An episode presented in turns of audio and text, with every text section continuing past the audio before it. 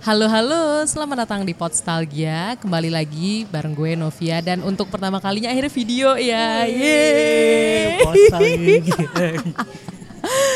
Eh, jadi sekarang eh, sebenarnya film yang kita obrolin tuh lumayan berbeda dari episode sebelumnya karena belum ada film Prancis. Tapi film berbahasa Prancis udah. Ong Song Di. Oh, Eh, benar-benar. filmnya Denis Villeneuve. ya? Cuma kan ya francophone. Cuma Denis Villeneuve kan sekarang Hollywood banget ya. Iya. Nah, ya kan, maksudnya film-filmnya banyak yang Hollywood, tapi sekarang Prancis banget. Ya. Judulnya Amour yang dirilis tahun 2012 dan disutradarai oleh Michael Haneke.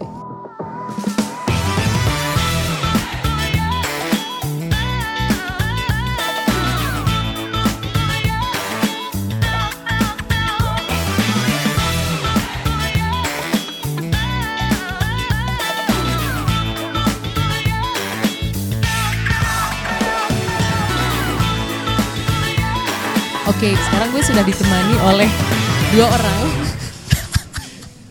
yang seperti Perlu kenalan, perlu kenalan. cantik ya. Kenapa? Kayak gue bisa dikasih piring cantik ya. Oh, bisa banget. Ini adalah kali di mana lo bisa dapat piring cantik. Iya. Udah tiga kali Udah tiga ya. kali. Udah tiga kali. Ini akhirnya kelihatan juga mukanya. Siapa namanya? Halo. Ini nih yang de- waktu itu gue review apa?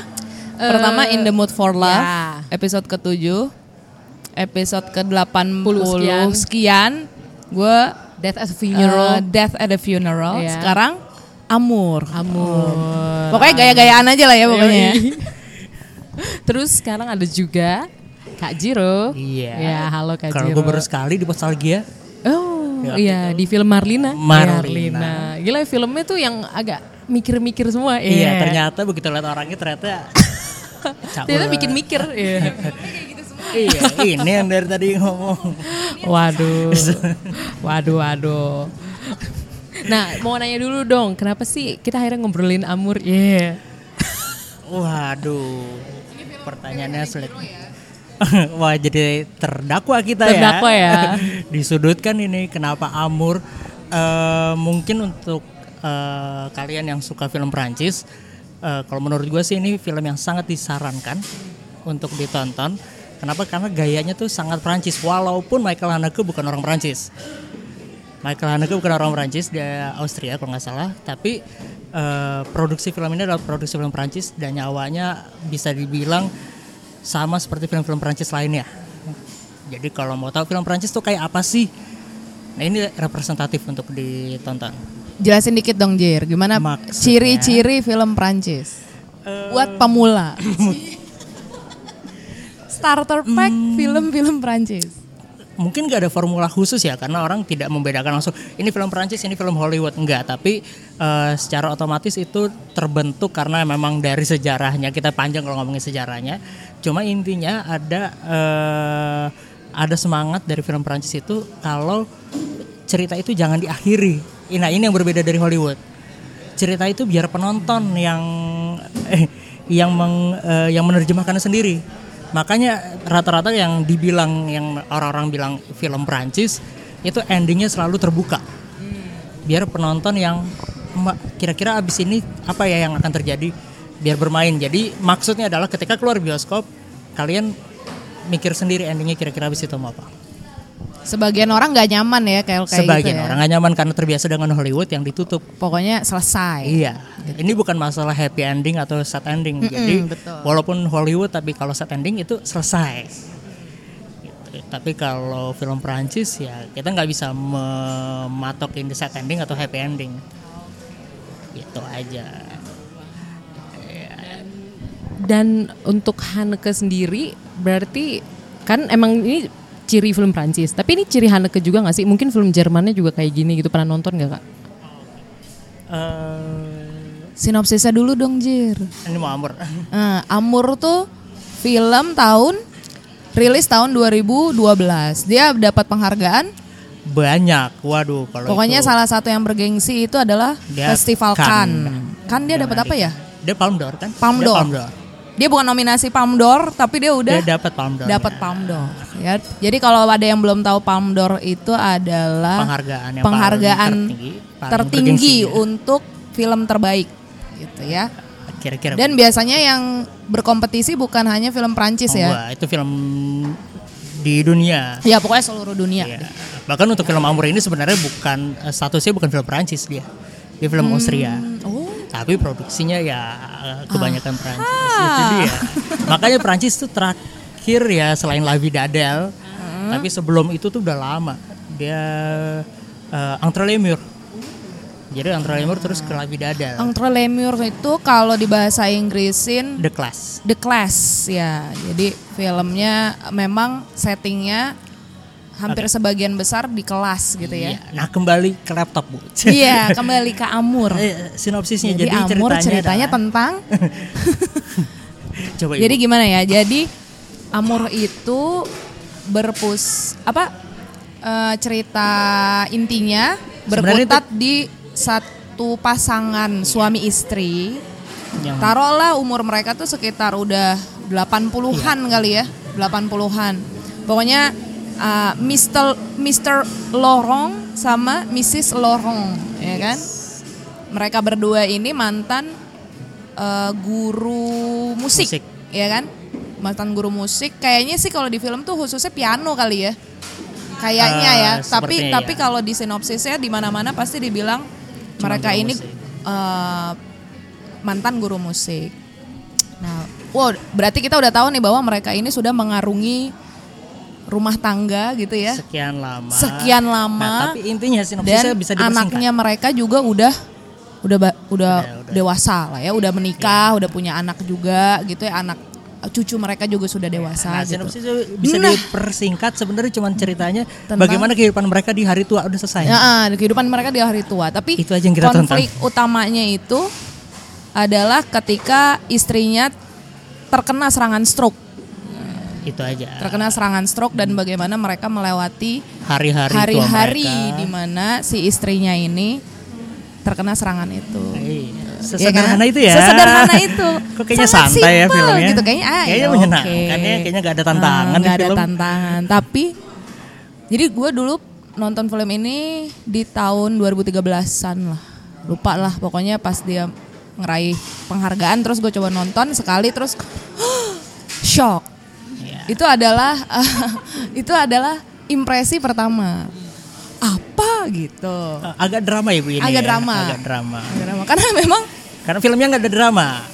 Ibunya alurnya yang drama. datar gitu Iya. agak "Ah, oke gitu pas di akhir-akhir begitulah nah pas nonton kedua kali depresi sih nontonnya jadi kayak aduh kenapa ya dia begitu banget nah, Iya. kalau Jiro gimana rasanya udah berapa kali nonton nonton. Waduh mungkin udah yang pasti lebih dari tiga kali itu yang nonton bener ya karena ada tuntutan harus menonton bener.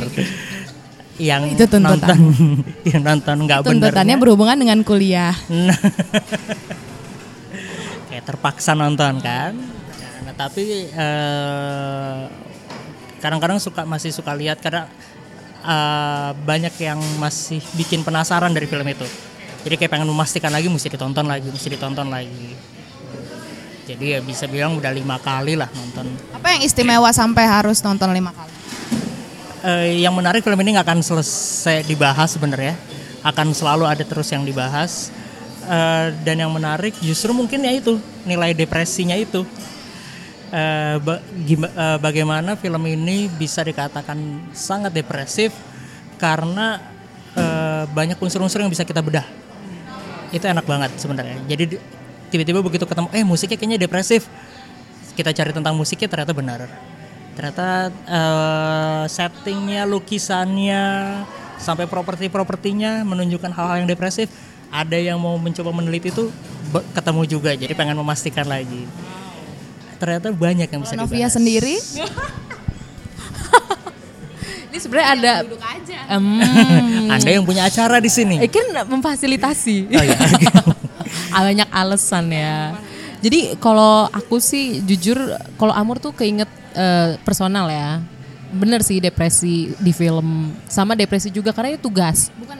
Tugasnya dapetnya film Amur. depresi tuh kayaknya terlalu ini ya apa sedih banget gitu pas Hmm. nonton lagi kedua kali tuh kayak kayaknya kok nggak ada nggak ada bahagianya ya nih film ya. Kalau makin ke belakang kok gue rasanya jadi makin pengen nangis Iya, gitu iya, ya. iya. Apalagi bagian belakang sih. Kayak mungkin emang nggak tahu sih. Soalnya kayak kalau film Haneke kayaknya emang jenisnya gitu ya. Karena emang pernah nonton juga film Haneke. Judulnya Seven Continent film Jerman. Biasa aja kehidupan banal gitu. Awalnya tuh ceritanya keluarga Jerman. Dia pengen atau Aus- Austria. Dia pengen eh, berlibur ke Seven Continent alias Australia kayak kehidupannya kehidupan eh, menengah kelas atas biasa gitu kan datar gitu cuma pas menjelang akhir tuh kayak semuanya berubah mereka nggak jadi pergi ke Australia mereka tahu nggak ngapain ngancurin rumahnya sendiri Kayaknya memang gue tuh udah nonton tiga filmnya Haneke ya. Ah. Eh, Amur.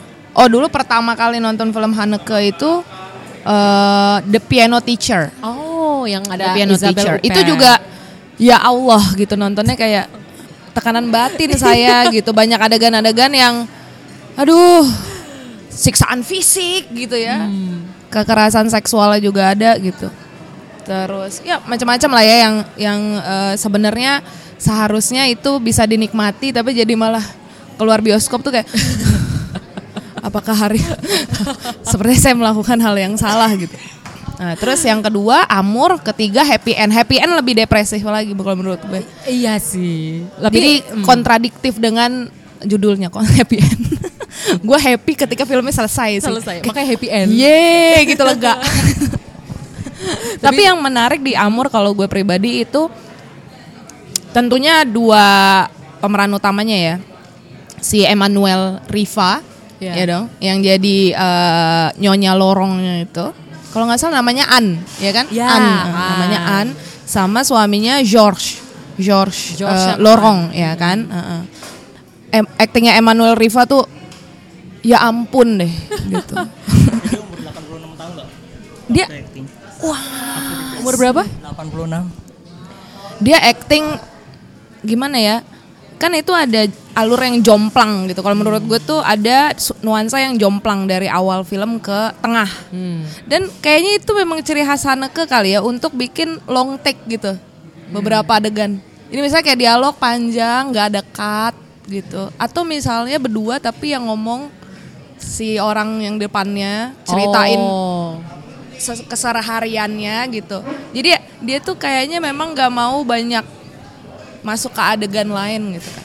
fokus lah ya Fokus. berarti. Nah, terus Emmanuel Riva ini bagusnya kalau menurut gua gila. Dari jomplangnya dia itu. Jadi awal kan mereka itu sehari keseharian pasangan tua lah ya. iya Yang awalnya kalau menurut konser. agak cultured ya nggak sih? iya berbudaya gitu loh arang-arangnya pintar gitu kelihatan pinta, pintar bukan dari kalangan eh, kelas menengah, Menengah. ke bawah gitu ya memang cultured lah gitu. Nonton konser. Uniknya yang adegan konser. Gue suka banget adegan konser. Itu adegan awal ya. adegan awal. Adegan awal. biasa kan kita disorot Pemain pemain pianonya ya. Pianonya. ini kita disorot long take gitu si penontonnya. Iya, dan dia nggak blockingnya kita harus nebak dulu nih yang mana sih pemerannya nih. Oh yang itu ya yang dua itu. Dia ada di sudut sebelah kiri. Kiri ya. Jadi pas pulang ngomongin hal yang biasa kayak pintu rusak segala macam tak besok paginya langsung actingnya dia ketika serangan stroke itu priceless kalau menurut gue Sebenarnya itu adegan awal itu jadi yang tadi Novia bahas eh, kekhasannya Han- Haneke apa? Ya itu bisa jadi ke- kekhasannya Haneke. Long take yang tadi Zulfa bilang, long take. Tapi dia mengambil angle-angle yang tidak biasa. iya iya Itu yang satu. Dan yang kedua eh, Haneke itu jarang sekali memasukkan scoring music ke dalamnya. Dan di film ini bisa dibilang hampir tidak ada scoring music. Hampir. Eh, karena yang ada scoring musiknya waktu main piano di konser itu sedikit begitu pindah adegan suara piano masih ada sedikit itu cuma masuk scoring music sedikit aja tapi eh, setelah itu ya eh, dia masang lagu klasik dari CD dan itu jadi suasana latarnya jadi musik latarnya. Jadi bukan bukan scoring musik yang ditambahkan untuk mengisi adegan. Bahkan untuk kredit title aja dia nggak ada soundtracknya. Dan itu kekhasan untuk beberapa filmnya tidak ada soundtrack di kredit title. Yang unik juga tuh sebenarnya karena pemilihan pemainnya tuh bukan pemain muda ya, bukan pasangan muda. Ya, Maksudnya dia memilih usia tuh yang memang udah di usia senja gitu loh. Mungkin itu khusus 80 untuk di tahun. film ini. Tapi ternyata kalau kita pikir oh iyalah dua orang ini akan menikmati usia tuanya menuju ke kematiannya dengan sangat tenang gitu. Ternyata nggak semua orang walaupun usia udah senja bisa segitu tenangnya menghadapi kematian gitu. Ya, dan ini konteksnya Perancis ya. Perancis yang eh, biasanya anak itu keluar dari rumah setelah udah dewasa. Iya. Jadi bukan kalau kayak di Indonesia kan walaupun anak udah keluar rumah tapi tetap akan mengunjungi orang tuanya rutin atau orang tuanya mungkin dibawa ke rumah anaknya. Di sana nggak ada budaya itu. Heeh. Karena pas kalau gue pribadi karena gue nggak eh, nonton film ini tuh memang fokus banget ke Emmanuel Rivanya sih. Terlalu takjub ya. ah terlalu takjub karena gue ngerasa bahwa ah ya mungkin dia Nggak akan heran dia juga masuk nominasi Oscar ya. ah gitu. Jadi pas dia kena stroke, gue ngerasa bahwa dia tuh kayak orang yang oh ternyata memang walaupun usia lo udah segitu, nggak semua orang lo bisa kuat gitu.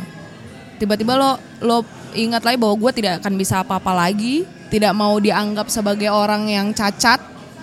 Terus tiba-tiba emosi dia tuh memang jauh banget bedanya gitu dari tenang ke sinis gitu ke suaminya kan. Jadi kayak udahlah lu nggak usah ngeliatin gue kayak orang cacat, gue masih bisa kok baca buku sendiri, eh, minum sendiri, makan sendiri. Itu menurut gue kayak wow.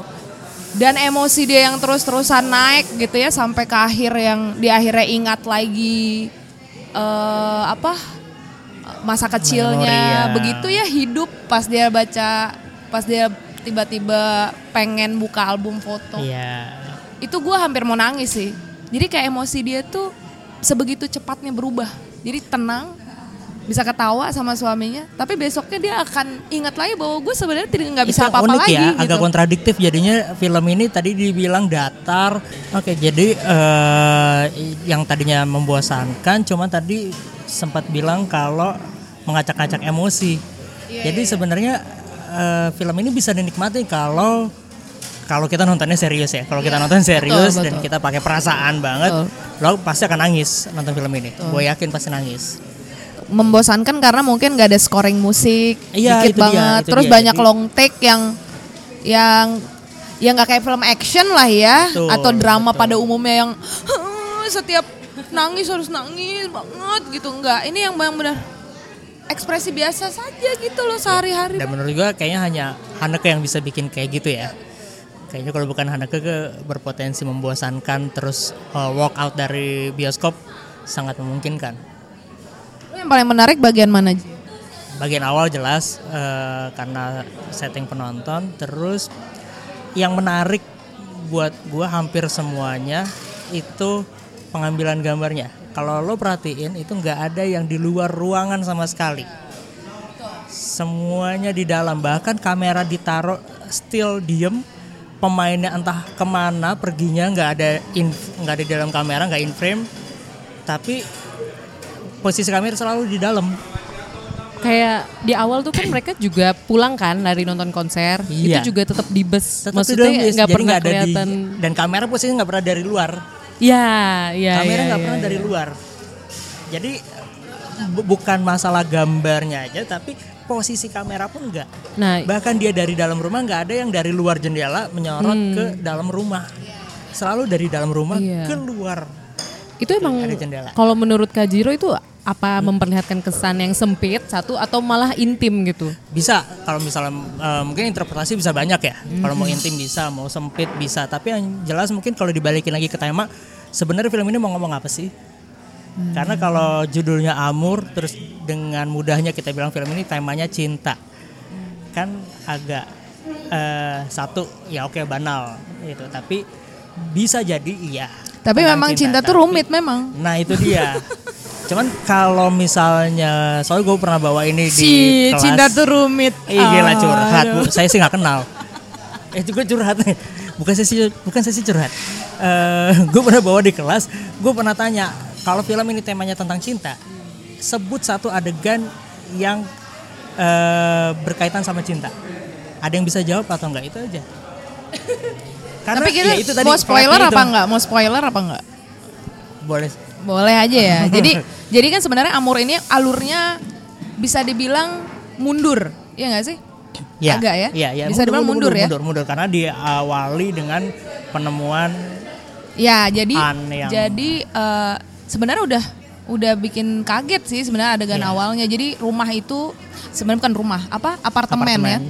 Apartemen, tapi apartemennya kalau menurut gue kelihatan sekali apartemen lam- gaya lama gitu, bukan apartemen yang baru ya. Jadi mungkin orang-orang di situ memang sudah lama tinggal di situ gitu. Nggak nggak tahu lama apa enggak, tapi paling nggak ada ciri bahwa kayaknya ini bukan baru deh mereka ada di situ kan. Terus eh, rumah itu harus didobrak dulu, eh apartemen itu harus didobrak dulu dan si pemadam kebakaran itu menemukan rumah itu kosong, eh apartemen itu kosong, ada satu ruangan yang diisolasi, jadi isola pakai lakban, Lakban. ya pakai lakban, jadi semua tepi pintunya itu dilakban, dilakban eh, sisi sisi depan sama sisi sampingnya. Jadi semua jalan masuk ke areal tempat tidur itu semua ditutup. Pin- apa jendela ditutup, semua dikunci gitu ya. Tapi pas ternyata didobrak ada sesosok jenazah. Nah, sosok jenazah inilah si Emmanuel Riva. Jadi Emmanuel Riva di situ pakai gaun hitam, layaknya orang layaknya si layaknya jenazah yang ada di peti mati lah ya. Ya, Jadi tapi rapi, terlihat rapi, di- rambutnya rapi, Iya. eh, apa tangannya di atas dada gitu ya.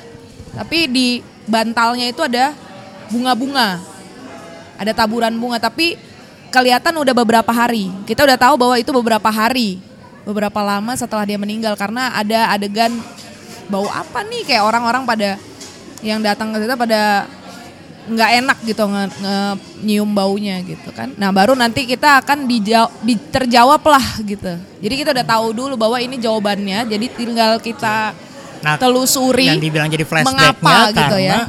eh, setelah itu adegannya adalah si eh, Monsieur dan Madame eh, Lorongnya ini datang ke konser. Nah jadi, Jadi- awal sebelum eh, serangan stroke eh, Iya, Nyonya jadi Lorong ya. Itu dia. An. Jadi intinya kita udah tahu kalau eh, An Lorong ini akan meninggal saat itu. Nah itu yang jadi Bagaimana membawa, gitu. Iya, membawa eh, emosi kita sepanjang nonton kayak kapan kapan matinya nih, kapan matinya nih, kapan matinya nih.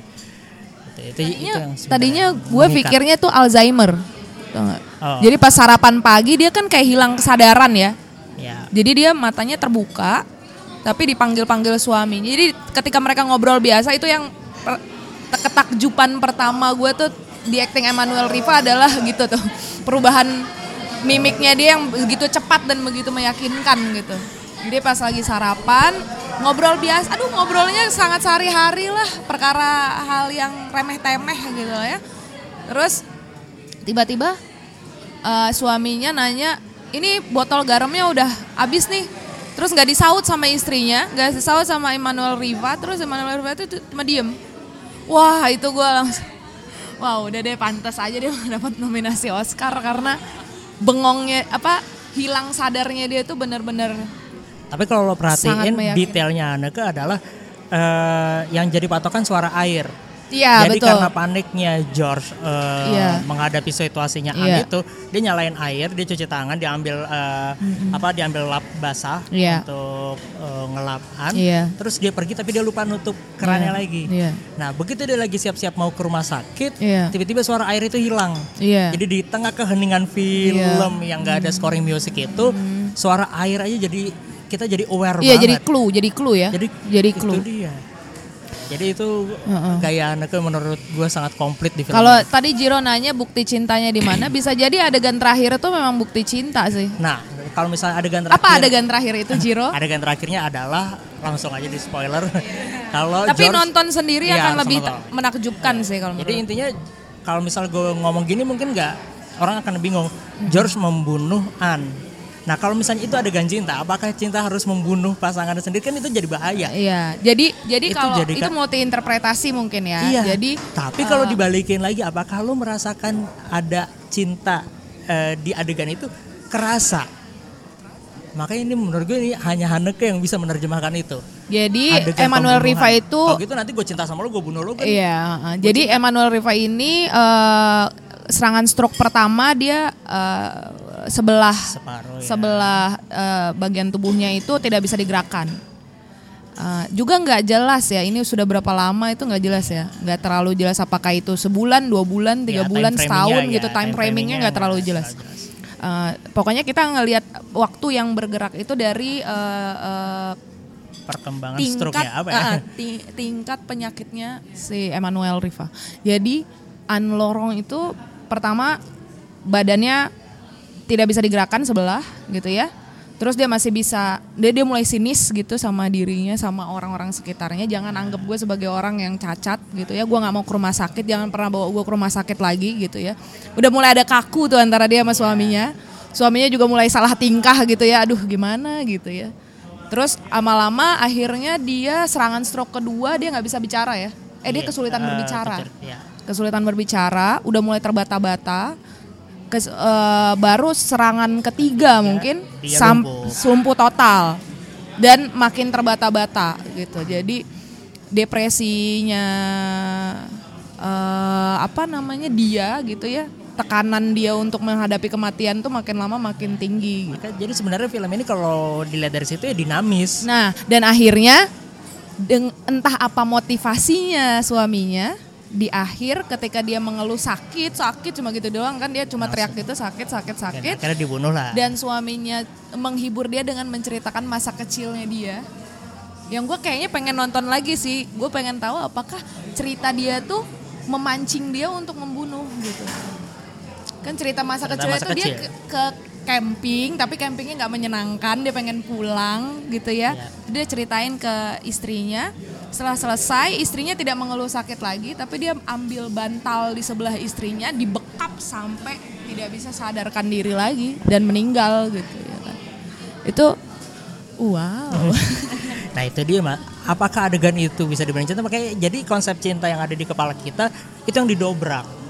Cinta yang eh, cium-ciuman, cinta yang mesra-mesraan itu tuh karena kita mengharapkan ada kata amur di film itu, tapi kita tidak bisa menemukan eh, unsur-unsur cinta yang kita tahu di film-film pada umumnya. Nah itu yang didobrak banget Bisa sama jadi Anda tuh. memang si uh, George Lorong itu memutuskan membekap istrinya itu karena udah meng- menga- pengen mengakhiri penderitaan istrinya gitu. Yes, itu Bisa dia. jadi, kan? Itu dia, itu yang Dia penting. merasa bahwa gue juga nggak kuat lagi melihat lo sakit gitu. Dan gue juga Jadi kalau misalnya mau di, eh, Daripada lo disimpulin menderita semuanya gini, nih. gitu. Jadi sebenarnya apa sih yang eh, jadi tujuan hidupnya An? Dia cuma pengen bebas dari penyakitnya. Iya. Dia cuma pengen bebas dari penyakitnya. Yang menghambat dia dalam hidup ini adalah dia terbatas gerakannya karena penyakitnya. Jadi dia pengen sembuh supaya dia bebas. Nah yang dilakukan George jadinya adalah membebaskan An. Itu dia itu yang di yang jadi dapat rasa cintanya itu. Itu juga yang Karena bikin itu mung- bukan keinginannya George, itu keinginannya Anne dan Oh. udah udah segitu eh, pusingnya terus gitu. Jadi klimaksnya adalah dia ingin membebaskan Anne. Nah, sekarang pertanyaannya pertanyaannya apakah George bebas setelah itu? Nah, eh, aku jadi inget bagian akhir tuh ketika ada merpati terus dia ngejar. Iya. Itu kan tiba-tiba ada, emang sebelumnya kan kalau nggak salah emang ada adegan burung kan, dia Iya, masuk ke ruangan. ke. Dan itu persis setelah si George-nya membunuh Anne kalau nggak salah ya. At- nah, Iya. persis atau atau ada time frame, tapi seingatku sih persis, Persis ya. ya. Kalau menurut Kak Jiro kenapa sih harus ada adegan itu? Apakah Nah, itu kalau misalnya mau lihat si burung merpati atau burung dara itu masuk Iya. kan bisa dibilang burung burung merpati burung dara itu kan adalah simbol kebebasan juga kalau misalnya kita mau ngaitin semiotiknya ya. Peace ini agak berat gitu banget ya. ya. Iya. Damai. Kedamaian, kebebasan juga. Nah, ketika dia ada di dalam rumah kan itu jadi terperangkap. Hmm. Dan mau ditangkap sama George yang begitu susahnya. Segitu susahnya dia susah payah untuk menangkap burung dara itu. Sampai akhirnya ketangkep juga. Jadi intinya dia apakah dia udah bisa meraih kebebasan? Sekarang pertanyaan kebebasan siapa? Karena dia udah membunuh An. Jadi yang dibebaskan adalah An-nya. Nah, George-nya apakah George-nya udah bebas? Ternyata yang menghambat George adalah George tidak bisa bebas karena ada An. Karena dia harus merawat An, bukan begitu? Kan Iya, dia terpaksa iya. jadi karena An tidak mau dibawa ke rumah sakit, An harus dirawat sama George. Iya. Dengan kata lain kalau misalnya mau pakai silogisme yang sama, yang menghambat George adalah kak keberadaannya An.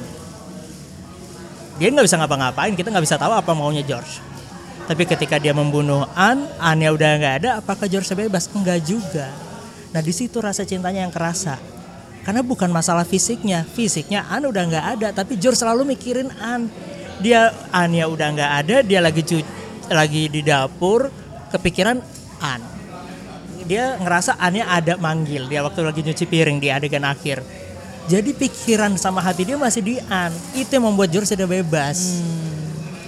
Jadi kesempatan cuma dianya tidak bebas tapi dia membebaskan orang yang dicintainya. Itu yang paling bahaya sebenarnya satu lagi sih sebenarnya yang bikin bikin menarik. Yang menarik banyak lah walaupun Iya, iya. pace-nya memang lambat ya. Film ini lambat. Gue sampai kadang-kadang mikirin dia mau udah mau selesai apa belum sih? Oh, belum. Oh, oke. Panjang banget ya satu dialog harus dihabiskan. Gue sampai ngitung loh dialog mungkin like satu menit 30 de- hanya untuk misalnya adegan eh, bersihin karpet pakai vacuum cleaner. Ya, atau ketika anaknya dateng gitu kan. Nah, anaknya juga sebenarnya seru kalau dibahas sih. Isa yang main nih gue ngerasa bahwa Isabel Huppert itu adalah muse-nya Michael Setuju Haneke. banget, setuju banget. Hampir di tiap filmnya pasti ada Isabel Huppert. Iya. Nah, jadi eh, sebenarnya yang benar, benar banget. Jadi si siapa ya? Gue kok jadi lupa nih mau ngomong apa? Ah, gue kok jadi lupa. Anaknya. Bukan. Jadi gini, adegan akhir itu sebenarnya bukan ketika si eh, George m- me- membekap istrinya gitu ya sampai akhirnya istrinya meninggal gitu. Dan tenangnya dia juga akhirnya membuat gue takjub lah. Aktor-aktris ini dua-duanya sudah usia yang sepuh banget tapi kemampuan aktingnya luar biasa banget deh. Nah terus em, adegan setelah itu yang makin bikin gue takjub sama Oh. sama screenwritingnya kek pokoknya eh, directingnya gitu ya dan tidak diakhiri di situ gitu tapi kita ngeliat lagi yang Amur itu ternyata memang gue tertarik banget nih sama adegan tiba-tiba si George seperti berhalusinasi. Berhalusinasi ke em, saat istrinya masih sehat gitu ya belum stroke. Jadi tiba-tiba dia membayangkan istrinya cuci piring terus dia mau pergi. Eh eh, eh, tiba-tiba istrinya ngomong bahwa eh, udah siap-siap aja pakai sepatu aja sebentar lagi aku selesai nih gitu kan terus dia pergi nah adegan pergi itu menurut gue eksekusinya cakep banget kita tahu bahwa itu hayalan tapi caranya tuh Ah. cantik. Jadi misalnya s- kita tahu bahwa itu bayangan si An pas mau pakai mantel jaket ya itu George yang pakein. Mm-mm. Tapi ketika dia mau pakai mantel, George pakai mantel, George pakai mantel sendiri. Jadi kita terkesan bahwa ya lucu lah ya masa si An tiba-tiba makein jaket ke suaminya itu jadi kayak membreak mematahkan semua hayalan itu dong. Jadi kayak wah ini jin beneran dong jadinya gitu. Bisa makein gitu. Tadi pas dia keluar kamu nggak mau ikut saya gitu. Eh eh, nggak pakai mantel. Yuk kita pergi bareng-bareng gitu lah ya. Jadi adegannya mereka keluar rumah bareng-bareng itu menurut gue gue bertanya-tanya nih. Abis ini George ini meninggal apa enggak ya? Iya itu jadi pertanyaan banget ikut sih. istrinya meninggal atau tidak gitu atau ini masih dalam khayalannya dia bahwa dia sendiri Hmm. pengen ikut istrinya nyusul gitu Dan jadi keinget juga itu kan di lakban ya di bagian Hmm. awal kan pintunya.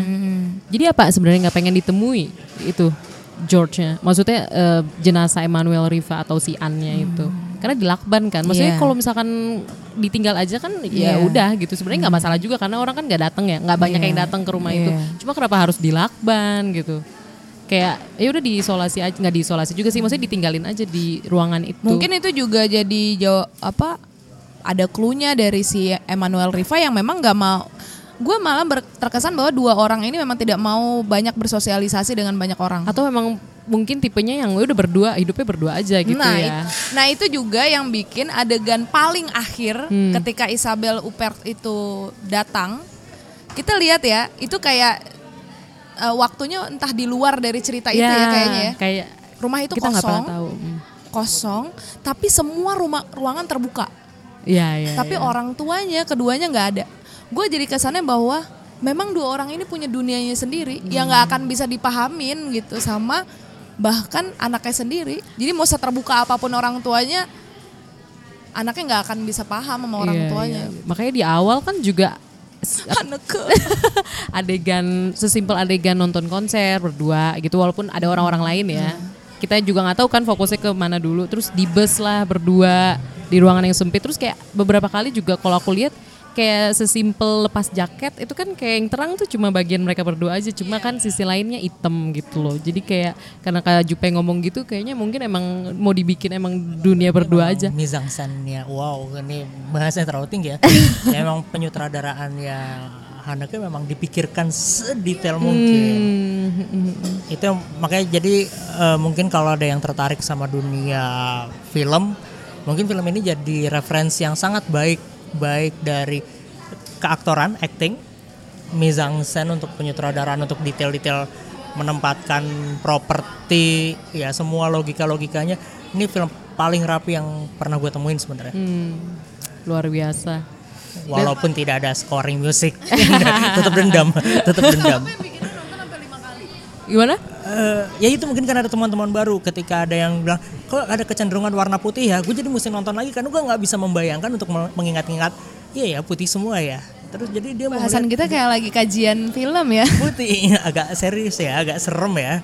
Terus Tapi filmnya nggak serius-serius. yang yang bikin eh, gue tertarik waktu itu ada yang ngebahas eh, soal musik-musik klasik yang dimainin. Dan ternyata itu eh, musik-musik klasik yang intinya tentang eh, dia terperangkap dalam hidup atau apa pun itulah. Jadi set, eh, tema-temanya tema-tema begitu semua. Jadi eh, Bach yang lagi dalam kesendiriannya atau apa yang menik dalam bukan menikmati hidup ya apa ya lagi depresi dalam hidup mereka gitu. Jadi eh gue itu penelitian orang. Jadi gue nggak baca eh, detail dan gue tidak membuktikannya langsung. Cuma menarik aja. Jadi kalau di situ gue jadi cari eh, musik-musik yang dimainkan. Lagu-lagunya apa aja terus apalagi ya properti yang waktu itu gue sempat ulang untuk nonton liatin propertinya kamera penempatan kamera. Jadi selalu ada temuan baru sih setiap nonton film itu. Ya sama kayak tadi begitu Zulfa bilang eh, begitu dia halusinasi yang makein bukan an itu temuan menarik sebenarnya kayak Iya.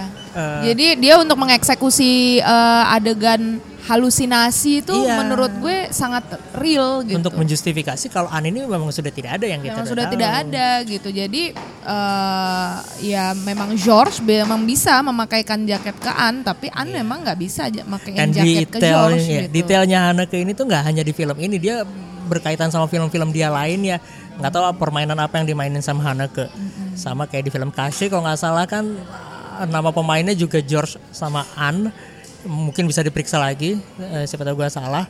Eh, ada misteri apa di sini dengan George dan Anne dengan tipe yang sama. Mungkin itu ada eh apa ya trauma masa lalunya Haneke dengan nama-nama George dan Anne tapi itu mesti dikajinya dari sisi Haneke.